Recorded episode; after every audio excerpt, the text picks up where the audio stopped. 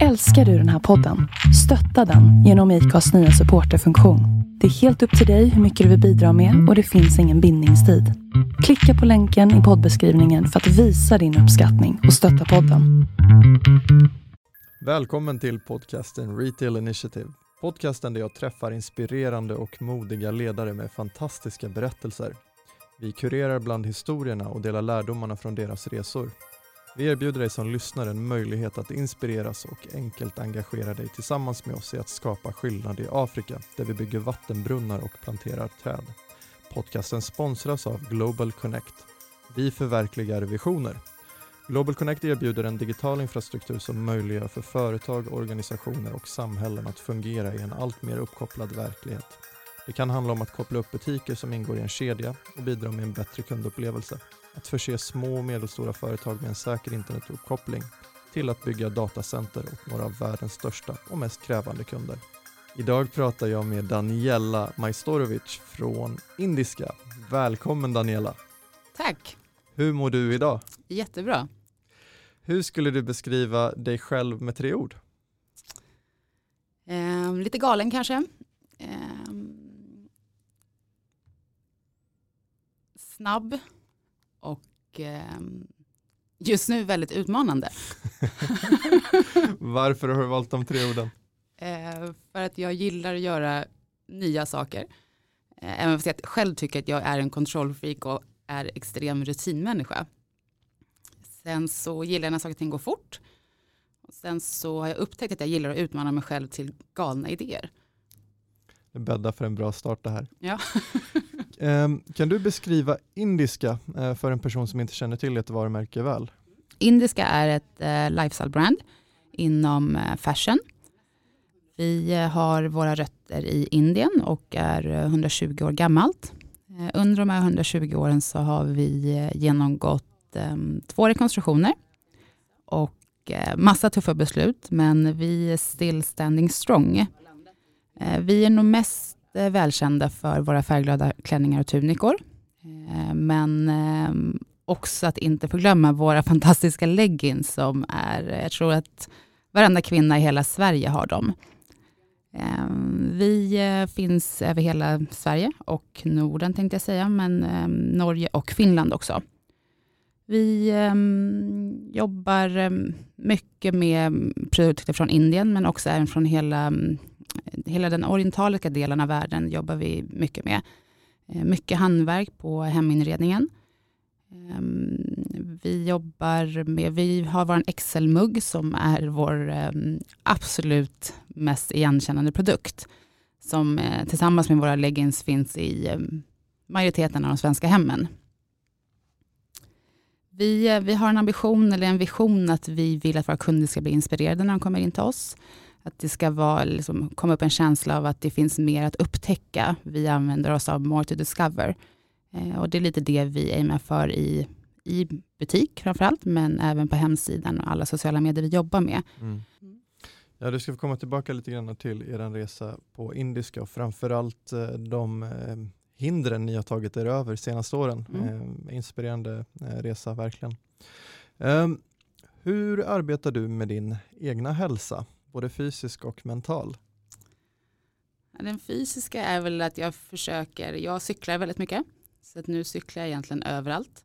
Och givet corona nu så blir det ett ganska enkelt sätt att få motion. Men jag gillar att springa. Så det är väl egentligen det jag gör och det blir också en del av det mentala. Att man springer av sig sina tankar.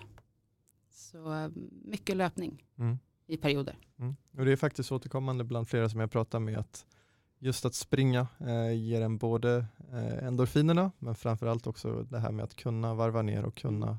supa in ja. eh, intryck och reflektera.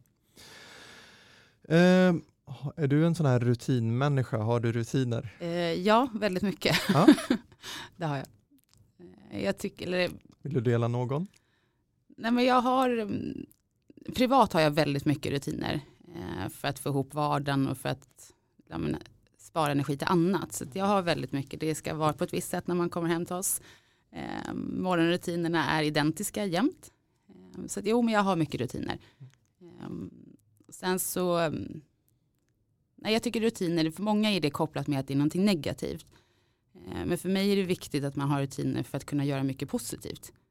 Eh, och spara planeringen, den gör man och den har man i sina rutiner. Sen så kan man vara spontan och göra roliga saker.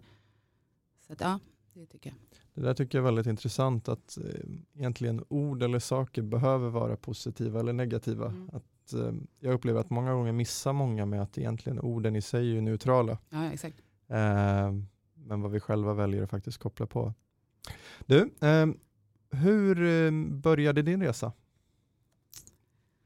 Min resa i retail började ganska mm, oplanerat egentligen. Jag hade mm, haft eget företag med min bror.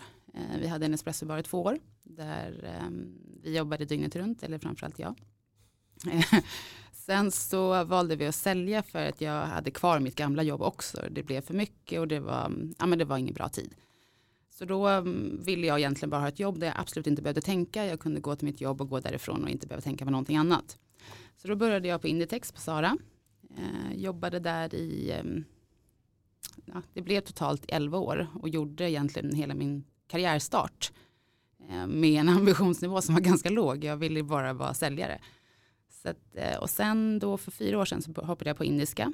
Då var vi i vår första rekonstruktion. Och eh, sen så um, har jag varit kvar där nu i fyra år. Eh, tycker det är superkul. Har hänt hur mycket som helst. Och i och med hela resan så har man ju utvecklats vilket har gjort att man behöver fortsätta. Mm. Men det var absolut inte min plan överhuvudtaget. Jag tänker 11 år på Inditex. Mm. Fick du möjlighet att ha lite olika roller? Ja men det hade jag. Ehm, jag, var, jag blev ganska snabbt um, tränad till i visual merchandising. Sen så blev jag avdelningschef. Jag var butikschef för ett tag. Sen så gick jag tillbaka till VM. Så då jobbade jag som eh, zone visual för Stockholm. Sen så fick jag min dotter och um, efter mammaledigheten då så kände jag att nej, men nu vill jag göra någonting nytt. Så då tränades jag in i HR-position. Så slutade det med att jag var HR för Sara Sverige, eh, Pull&Bear, Oysho och eh, Sara Home. Så att, eh, det var mycket högt och lågt och mm, min väg var nog inte helt spikrak. Däremot så hade allting en koppling så att jag höll mig, jag, för mig är det viktigt att jag är på golvet, jag tycker det är kul att träffa människorna och se hela liksom försäljningsförloppet Mm. i alla mina positioner som jag haft. Så det är väl det som har varit grunden, att jag behöver vara ute. Jag tycker det är kul. Så HR och sälj egentligen från Sara-tiden. Och sen när du började på Indiska, vilka Mm. typer av projekt eller vilka roller har du haft där? Jag började som regionschef i Stockholm och då, um, hade, då var vi ju i första rekonstruktionen så då krävde det mycket just från Stockholm för där eh, hade vi, vi hade många stora butiker som drog in väldigt mycket pengar. Så um, regionschef först, sen ganska snabbt gick jag tillbaka um, till VM-delen igen. Så då tog jag över som visual director för hela kedjan och hade kvar min regionschefsroll. Eh, jag har ju lite svårt att släppa innan jag är klar. så att eh, två optioner hade jag då ett tag och sen så um, ja, jag hade väl de kanske ungefär två år. Sen så tog jag över hela driften så då jobbar jag med försäljningen, VM och allting som rör driften. Så idag är min roll försäljningschef. Så um, Wow. Men um, vilka, nytt, alltså vilka erfarenheter, ehm, vilken nytta har du haft i din erfarenhet eh, från VM mm. in i en försäljningsroll? eh, väldigt stor skulle jag säga. Eh, jag tror att många blandar ihop VM med att det ska vara snyggt och bara inspirerande. Det är en jättestor del. Men för mig i de rollerna som jag har jobbat så har VM varit grunden till att hjälpa kunden att göra ett köpbeslut. Eh, Man VM så att kunden hittar de produkterna vi vet hon gillar eller han. Eh, Så att jag skulle säga att jätte, jättestor nytta har jag haft. Jag förstår. Så i slutändan handlar det ändå om att göra det enkelt för kunden på plats Exakt. i butiken. Exakt. Jag förstår. Ehm, om man tänker lite grann kring ehm, förmågan att lära om eller att lära nytt Mm. ehm, och framförallt med dina olika nedslag, Mhm. eh, olika förmågor som du har byggt upp. Hur ser du på den? ehm, på själva begreppet reskilling? Nej, men I min karriär så har det ju varit det, men jag har ju hållit mig inom samma ämne, eh, liksom inom samma bransch. Men jag tror att det är nyttigt att göra det. Eh, också för att utmana sig själv, för att växa själv. Sen så beror det såklart på inom vilka områden det är. Men jag tror att det ehm, det är en viktig del av ens karriär. Att se så mycket som möjligt för att också kunna leda så bra som möjligt. Jag tänker om man, om man först pratar om det från ett professionellt perspektiv, det vill säga mm. du jobbade med försäljning först och sen så hoppade du in på HR och sen så blev det VM och mm. sen så blev så där har du gjort flera sådana egentligen um, hoppat på flera sådana olika eh, nya eh, projekt. Mm. Men rent privat, alltså om man tänker på ett mindset eller en inställning, mm. eh, varför tror du att det är viktigt? att Ha förmågan att kunna ställa om eller lära nytt? Privat är jag inte så. Ehm, men eh, jag tror att det är viktigt för att man måste utmana sig själv. Jag tror att det är då det växer. Ehm, just det här, eh, jag läste någonting häromdagen, att det gör ont att göra förändringar och det är där folk slutar att göra dem. Och jag tror att det ligger jättemycket i det. Eh, och det är det som är viktigt, att allt som är lite läskigt är nog det alla behöver göra för att känna sig levande, för att känna att man gör den här personliga utmaningen. Och det kan ju appliceras även i arbete. Att hoppa på positioner som man inte känner sig helt redo för. Det är det jag tycker att de flesta borde göra. Eh, för att om man, om man är i behov av en personlig utmaning, vilket de flesta är, och inte vågar. Men varför tror du att vi har svårt, eller vad behöver vi i så fall göra? Vi vet att det är svårt, förändring gör ont, förändring kan vara någonting som vi per automatik då rent biologiskt ställer oss emot. Men har du något tips på vad man kan göra för att faktiskt hjälpa sig själv att gå igenom de här tuffa, ta de här tuffa besluten? Ja, gör det bara. Tänk inte så mycket. Eh, jag tror man bara ska slänga sig ut. Ehm, de här spontana besluten som man bara säger ja till, det är ofta de som blir riktigt, riktigt bra. Eh, jag tror att när man börjar tänka för mycket, man går tillbaka i sina normala tankebanor, det är då det blir ännu läskigare. Så bara släng dig ut och gör det. Jag har också faktiskt läst någonstans att de få millisekunderna som man tar att, som det tar att tänka igenom någonting, det är de som ofta stoppar en från ja. att fatta nya eh, beslut. Mm. Så att, ja, det ligger nog någonting i det där. Mm. Mm. Vad skulle du säga har varit eh, dina mest värdefulla lärdomar från din eh, entreprenörsresa och intraprenörsresa i och med att du både har varit egen och mm. eh, anställd? Men jag tror att det är just det där att jag eh, professionellt vågar ta risker.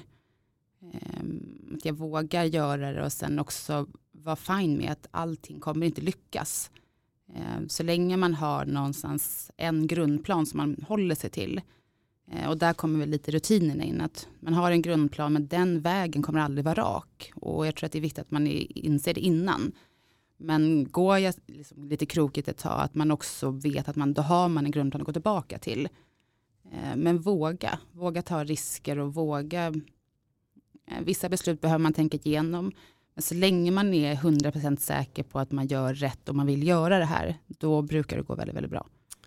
Vart kommer det ifrån att du vågar ta risk? Jag vet faktiskt inte.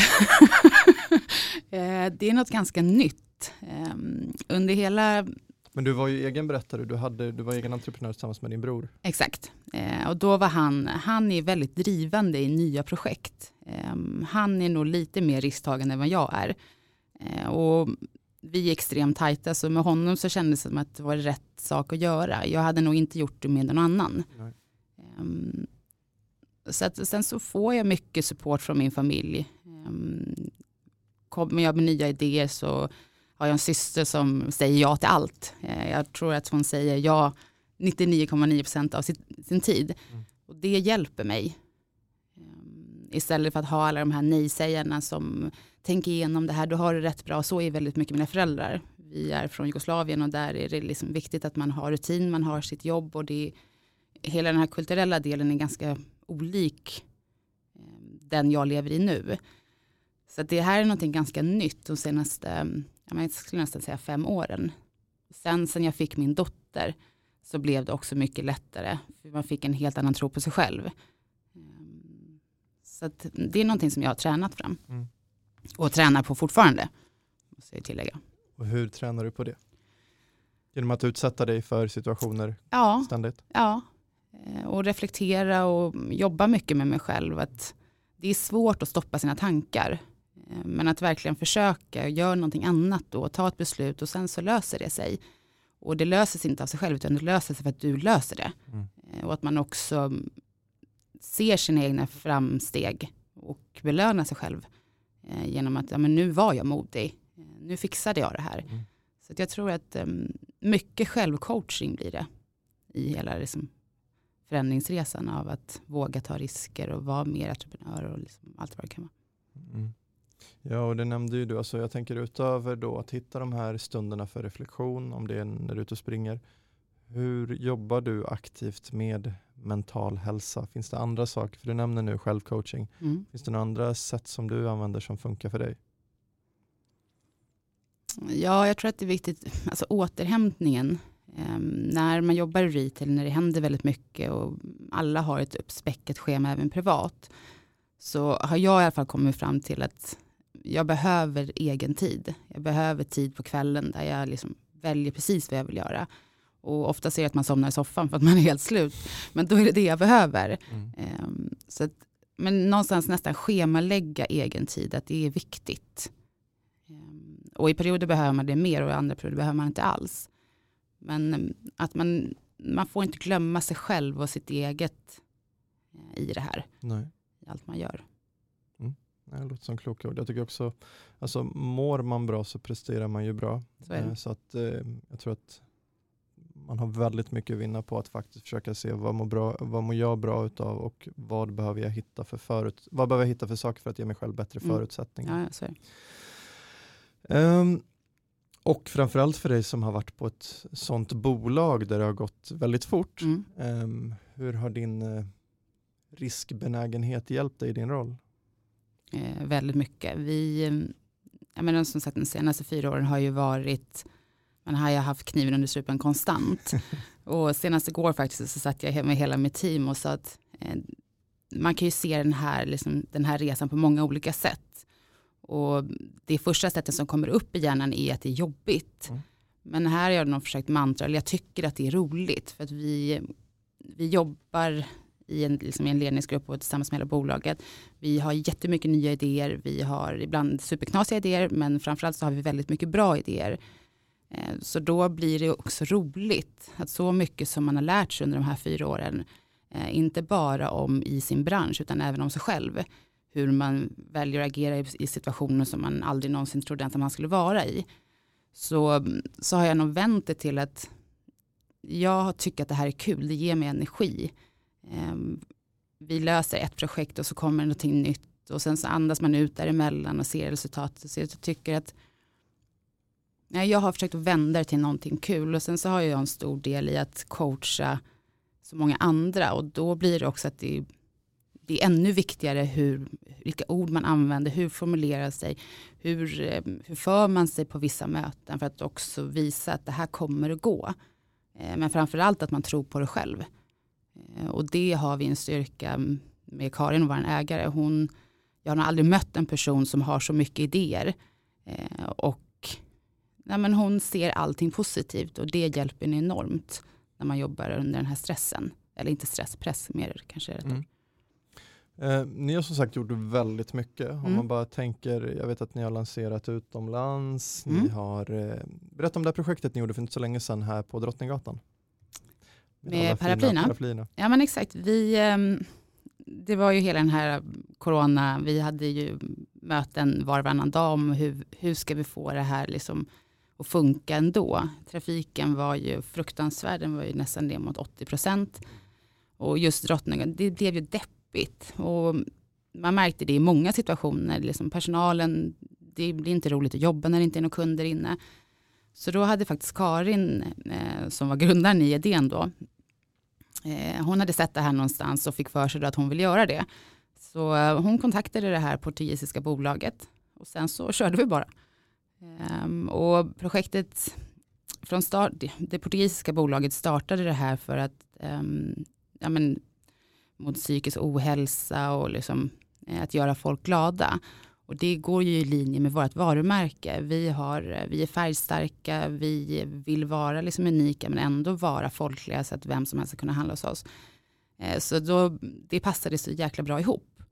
Så då tänkte jag, då kör vi och det blev ju superlyckat. Eh, det, blev, det skapade ju verkligen glädje och jag, jag tror inte att jag hela min Instagram var ju bara bilder av Drottninggatan. Så det var, projektet projektet grundades i att skapa glädje och liksom få lite ljus i vardagen när det är så jäkla trist nu. Och exakt vad var det ni gjorde? Ni satte upp? Vi satte upp paraplyer över, hela, eller över halva Drottninggatan. Hur många var det? 477 tror jag att det var, för exakt.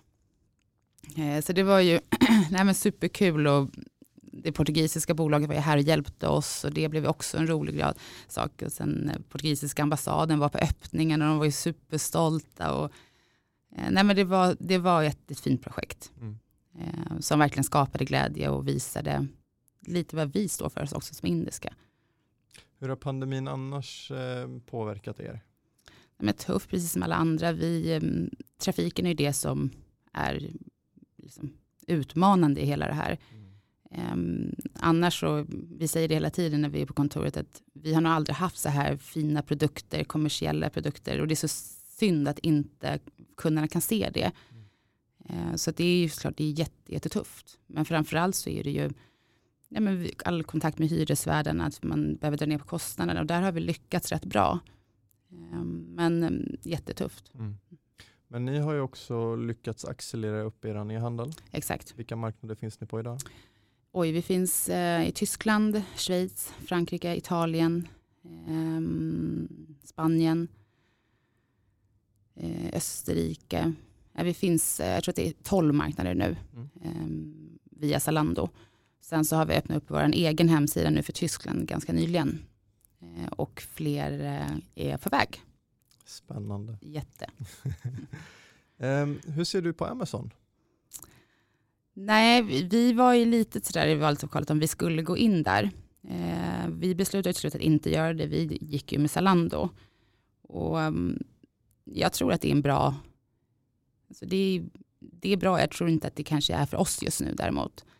Eh, nu har vi ju lyckats rätt, jättebra med Zalando så då behöll vi att fortsätta det samarbetet. Mm. Har du själv provat att handla på Amazon sedan Nej, faktiskt inte. Um, när det gäller att lösa kundens problem eller behov, eh, beroende på hur man ser det, eh, vad är din filosofi när det gäller att skapa ekosystem och samarbeta med andra aktörer? Mm. Um, innan du får svara på frågan, jag tycker att ni har gjort flera väldigt intressanta nedslag. Alltifrån den här marketplace-satsningen ni gjorde på Lens på Odengatan till blommor till annat. Berätta lite mer. Nej, men där har vi också, det är också en fördel med att jobba på indiska med, med en ägare som älskar att utmana och nya idéer. Så vi har gjort jättemycket. Eh, vi har ett samarbete med House of Flowers eh, som vi jobbar med och där också inför öppningen så smyckade vi ut hela entrén med hortensior. Så där, Ehm, vi jobbar väldigt mycket med sånt. Vi har ju en skola i Indien som vi ehm, ehm, försörjer tänkte jag säga, som vi jobbar med. Vi jobbar med vi jobbar ganska mycket med sånt skulle jag säga och vilket är, eh, är superinspirerande. Vi har idag, eller vi har haft armband som stödjer massa olika saker, renare vatten i Indien, mat, allting som, så att jo, vi, jag tycker att det är superviktigt. Mm. Faktiskt. Jag tänker så här, i en, i en tid nu där um, robotifieringen ökar, när allt fler retailers eh, anammar digitala lösningar och arbetssätt. Mm. Eh, hur ser du på emotionell intelligens? Vad blir viktigt för oss människor eller medarbetare? Ja, men jag tror att det blir viktigt att man också lite här, att man hänger med och tycker att det är kul.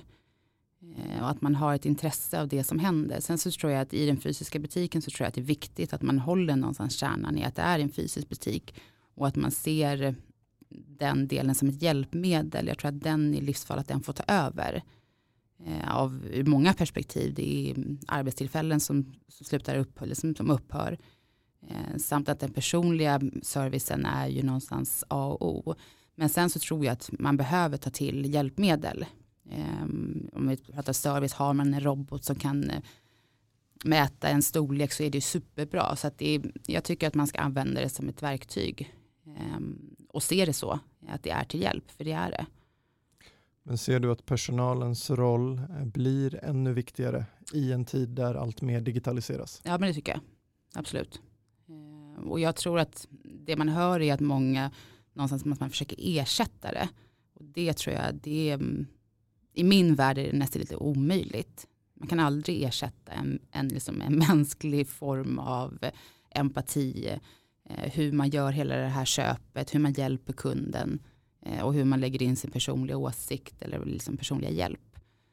Så att, nej, det tror jag Ja, och jag tror det, faran blir ju om vi vill försöka ersätta människorna eller det personliga mötet i fysisk retail, då har vi väldigt lite att konkurrera med, med det vi faktiskt väljer att göra på nätet. Så att, um, I den fysiska butiken så märker uh, vi att allt fler börjar satsa mer på sin personal mm. parallellt med att man också ser över vilken teknik finns till hands och hur kan man hitta hjälpmedel. Exakt. Och jag tror att det är en, en sund inställning. Mm. Eh, när det gäller då teknik, eh, vilken teknik, just om man pratar exponentiell teknologi, AI och blockchain och vad det nu må vara, mm. vilken teknik tycker du är extra spännande? Ja, Nej, men jag tycker att eh, just det här med att man skapar hjälpmedel för att förenkla köpet. Jag gillar den här med mm, att man har robotar som mäter en storlek och framförallt då på hemsidan men också att man har sånt i butik. Mm.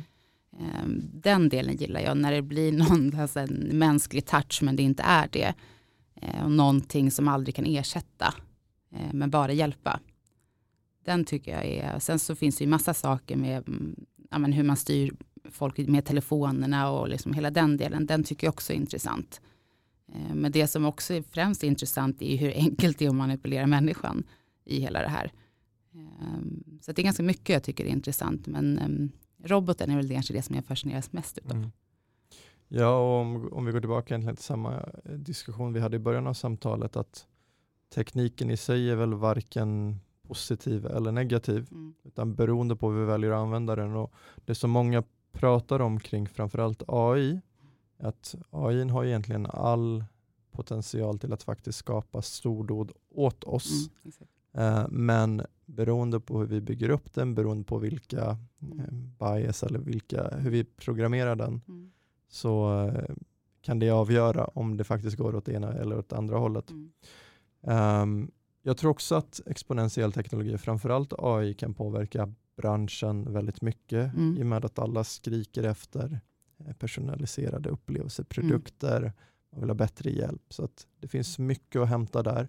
Men framförallt även internt hos bolagen. Det vill säga ja. hur kan man förbättra och effektivisera processer. Mm. Det är i supply chain, eller ja, det är exakt. i inventering eller om det är i inköp. Så mm. här tror jag vi har mycket, mycket mer att se. Ja, men det tror jag också. Um, när det gäller digital infrastruktur då, som möjliggör att koppla upp den fysiska butiken, mm. hur viktigt tror du att det är idag och imorgon? Superviktigt. Ehm, jag tror att det är det, det är det det kommer handla om till slut. Ehm, så den, ja, super, superviktigt. Hur skulle du säga att du ser att branschen har anammat att koppla upp sina butiker idag? Nej, men jag tycker att det är ganska varierande fortfarande. Ehm, jag tycker vissa aktörer är ju superlångt fram. Medan jag vet inte om det är, jo, eh, vissa är långt fram och vissa är inte alls där. Eh, och jag tror att de som inte alls är där, de kommer behöva rappa på rätt bra snart. Eh, så jag tror att man måste hänga med kopplat då till sitt eget varumärke. Men det behöver finnas någon, någon typ av plan där för de flesta bolagen skulle jag säga. Finns det någon som du vill lyfta som du tycker är duktig utöver er själva?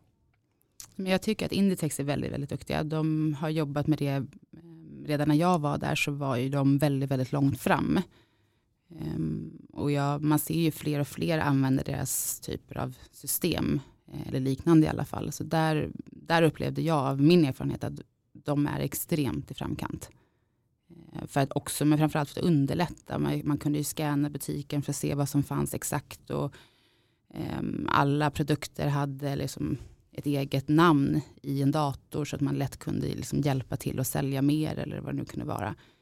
Um, det här med roboten hade de ju också, eller har idag.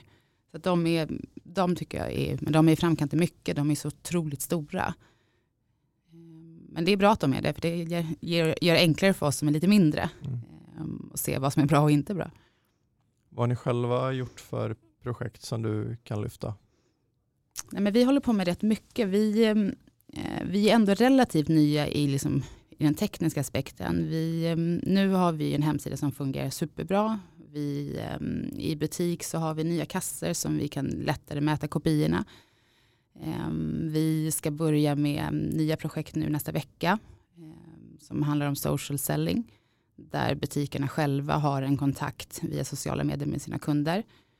Eh, vi har click and collect. Vi gör, vi gör massa saker som, som gynnar oss, eh, som har med den tekniska delen. Men här tror jag att vi behöver, vi har en plan eh, att bli ännu mer aggressiva i det, ta mer framsteg skulle jag kanske mm.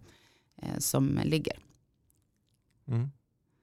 Um, och det är väldigt läckert att se som sagt att kunna testa väldigt mycket, utvärdera och sen antingen fortsätta eller lägga åt sidan ja. tror jag blir ännu viktigare. Mm. Och de aktörerna som är duktiga idag uh, gör väldigt mycket och det är inte alltid man får se allt de gör utan man får ofta se det som faktiskt har funkat. Ja. Så jag tror att bygga en organisation där det både är okej okay och mm. man har en fart i alla projekt man testar. Mm blir oerhört viktigt för att hålla sig konkurrenskraftig. Ja, vi hade ju, jag vet inte, vi hade ett hackathon. Just det. Eh, vilket var, det var ju superkul. Eh, I början så var det att det var en rolig sak. Mm. Eh, men det blev ju verkligen en stor grej. Det var ju, jag tror att det var över 300 lag. Eh, och det var inte bara i Sverige utan det var ju internationellt. Så det var ju superkul och de idéerna var ju Vissa var helt fantastiska. Ehm, nu vet inte jag alla, alla var säkert superbra, men vi valde ju ut två vinnare, eh, vilket vi kommer lansera. Så den, den känns jätterolig. Och det kommer vi göra igen också.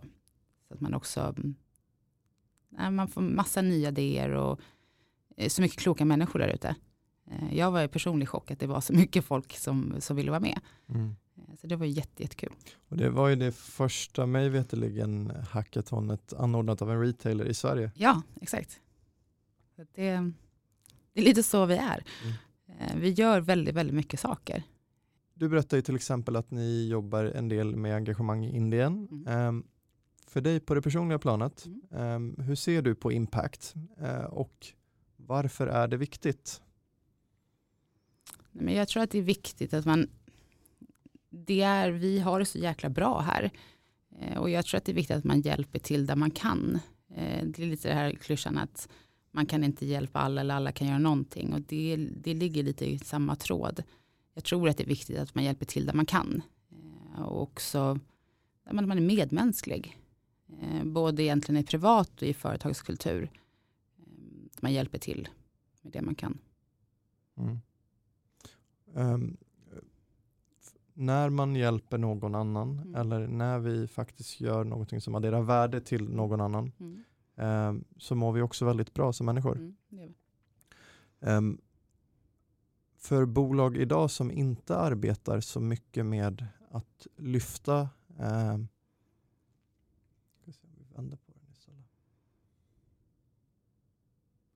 Hur tror du att företag idag behöver arbeta med att motivera sina medarbetare, att hjälpa dem att faktiskt hitta eh, den här drivkraften, att vilja göra mer än det som förväntas av dem? Jag tror att först och främst så måste du ha en ledning som är passionerad själv. Eh, också som lite visar vägen. Ehm, sen så tror jag att jag tror kommunikationen är A och O hur, hur man kommunicerar, hur man, hur man bygger sin ledningsgrupp eller sitt bolag eller vad det nu kan vara, som ska vara de främsta ambassadörerna för bolaget, den tror jag är A och O. Och också att när man har ett personligt intresse eller när man, att man också vågar namna det till sitt bolag. Tycker man att det är viktigt med, med någonting, försök att dra in det i någon typ av, ja, men det du gör på jobbet. Det skulle jag nog säga är A och O. Ehm, sen så tror jag att överlag så tror jag att man behöver, man behöver vara tydlig ehm, i vad man gör och vad man inte gör. Varför gör vi det här? Ehm, är det att hjälpa eh, och rena vattnet i Indien så är det, det behöver inte så mycket förklaring. Ehm, men att man också pratar om det här, man visar en stolthet för det man gör. Men också för att just det här när du var inne på att man gör saker så känner man sig bra själv. Den är bra men jag tror inte att den ska vara primär. Jag tror att det primära ska vara att du faktiskt, du som kan hjälpa, gör det. Ehm, och inte göra av egoistiska skäl. Att ja, men nu känner jag mig duktig, nu, har jag, nu donerar jag 100 kronor till SOS Barnbyar för att jag känner mig duktig. Utan försök att vända på det. Att vad, de här 100 kronorna, vad gör det? Eh, eller vad nu träden eller vad det nu kan vara som är till hjälp. Så blir egentligen min egna känsla bara en bieffekt. Exakt. Ja. Eh, den tror jag är superviktig. Och den tror jag är viktig att man mantrar i liksom organisationer, i, i sitt eget privata också. Eh, sen så kan, ja den biverkningen är superhärlig men den är inte primär. Skulle jag säga. Mm. Klokt. När det kommer till ledarskap, hur leder du dig själv? Ja, hur leder jag mig själv? Um, jag försöker nog egentligen inte leda mig själv så mycket. Eh, utan jag försöker få energi av det resultat jag gör när jag leder andra. Ehm, sen så är jag, ja, jag är, det här är lite diffust, att jag är väldigt kontrollerad men samtidigt så vågar jag ta väldigt mycket risker just nu. Men jag tycker att det är viktigt att man, att man leder på ett sätt som man själv vill bli ledd. Eh, och att man är en ledare som ser sitt team. Eh, man behöver, det finns ju inte ett sätt att leda på utan du behöver ju flera olika sätt för du har ju mest troligt ganska många olika personligheter i din grupp. Och det, det ger mig energi. Eh, att se andra göra framsteg, att ehm, ja, se den här energin som folk kan få när man har, har ett möte och man kommer på kloka saker tillsammans. Eh, sen så tror jag att prestigen är, det är viktigt att vara prestigelös. Bara för att man leder så vet man inte bäst. Utan viktigt att lyfta upp andra människor i sitt team. Det tycker jag är viktigt som ledare. Ehm, och att man inte att man vågar delegera. Eh, det tror jag också kommer med, med erfarenhet. Att man är inte ensam, ensam är inte stark. Ehm, sen så är det beslut som ledare man behöver ta där man behöver coacha sig själv. Att okay, nu är det ett viktigt beslut som jag behöver ta. Och att man då, beroende på vad det är såklart, men att man inte alltid tänker för mycket. Eh, man behöver, är det ett beslut som där det påverkar andra människor liksom, i en större grad. Att man också bollar det med någon eh, som man ser att man har en förebild som man kan bolla med. Eller coach eller vad det nu kan vara. Använder du dig själv av mentorer? Nej, eller ja, både och eh, skulle jag säga. Um, nu, nu självcoachar jag mig ganska mycket uh, och jag lyssnar på, um, jag läser mycket böcker och, jag, och det blir lite mina mentorer just nu. Mm. Um, och varit i perioder. Sen så har jag väldigt mycket kloka människor runt omkring mig, tack och lov, uh, som jag kan bolla med. Uh, om det skulle vara någonting. Och ofta är det, jag tror att det är viktigt att man tar människor som inte är i samma sammanhang. Så att man får en neutral inblick på vad man ska göra. För jag tror att mycket vad det man gör är ju av vanor. Ehm, så det har jag lärt mig. Att, eh, men också att välja hur man pratar med dem. Eh, att man verkligen är saklig. Det här är det jag behöver hjälp med. Så att det inte blir en gnälltimme. Utan ehm, tydlighet även där. Hur tror du att dina medarbetare skulle beskriva din ledarstil? Eh, jag tror att de tycker att jag är, ehm, jag har en medarbetare som faktiskt sa till mig för inte så länge sedan, så att, Nina, du är så jäkla snabb och det är så jäkla härligt. Ehm, så det, jag tror att de tycker att jag är snabb. De får nog det stödet de behöver. Sen så jobbar jag väldigt mycket med att folk får driva sina egna projekt och så finns jag som ett bollplank. Och det, det är uppskattat. Eh, Frihet under ansvar. Ja, exakt. Sen så tror jag att de tycker att jag får saker gjort. Jag är ju så jäkla envis. Och jag ger mig inte vad det än är. Men, jag, nej, men om jag får tag i någonting då, då gör jag det till slutet. Och går inte det så tar jag hjälp. Eh, men jag ser till att det blir gjort. Eh, och det har jag märkt uppskattar de enormt. Att de lite kan luta sig mot mig. Sen är jag ganska krävande också. Eh, tycker jag att det ska gå fort eh, och de kanske inte tycker det, men då måste vi hitta en kompromiss. Men det får inte gå sakta i alla fall. Så att, eh, nej, jag tror att de är jag tror att de känner sig utmanande men även sedda. Eh, hoppas jag. Du, jag vill bara gå tillbaka till indiska. Mm. Berätta lite mer om er kund. Vem är kunden på indiska idag? Mm. Idag vi har ju nästan 1,3 medlemmar i vår medlemsklubb. 1,3 miljoner? 1,3 miljoner, precis. Eh, och där är hon är mm, medelålder. Eh, men egentligen en helt vanlig person. Eh, men vi har ju butiker genom hela, liksom, hela landet. Och vi är ju superstarka eh, i norr till exempel. Eh, Mälardalen är också superstark. Så det är en, en kvinna som gillar färg. Gillar liksom, hon är kvinnlig, hon är feminin. Skulle jag säga. Men jag tror våra kunder är, kan egentligen vara vem som helst. Beroende på mm, stilen spelar egentligen ingen roll längre, utan vi har någonting för alla. Eh, men hon gillar att klä sig bekvämt eh, och det är snyggt. Ehm, hon, ehm, det är rätt tydligt att hon vet vad hon gillar. Eh, det har jag nog aldrig varit med om så, så mycket som jag har varit här. Att nu vet man när det kommer in en av våra mm, kundfavoriter, vi har en som heter Barry till exempel, då vet vi att den kommer sälja och hon är jättetydlig i vad hon gillar där. Så en feminin kvinna i medelåldern, vet vad hon vill. Hon, är, mm, ja, hon känns bestämd. Ja. Vilket är rätt roligt, för det är lite så vi är också i vårt bolag. Um, så att, ja. Spännande. Mm. Ja, det ska bli väldigt spännande att fortsätta följa er. Ni har ju som sagt väldigt mycket bra och har tagit er igenom många tuffa stunder. Ja, det har vi. Eh, Daniela, om man vill komma i kontakt med dig, mm. eh, vilket är det bästa sättet? Jag skulle nog säga LinkedIn då. Eh, där finns jag. Mm. Stort tack för vårt samtal. Tack själv Alex.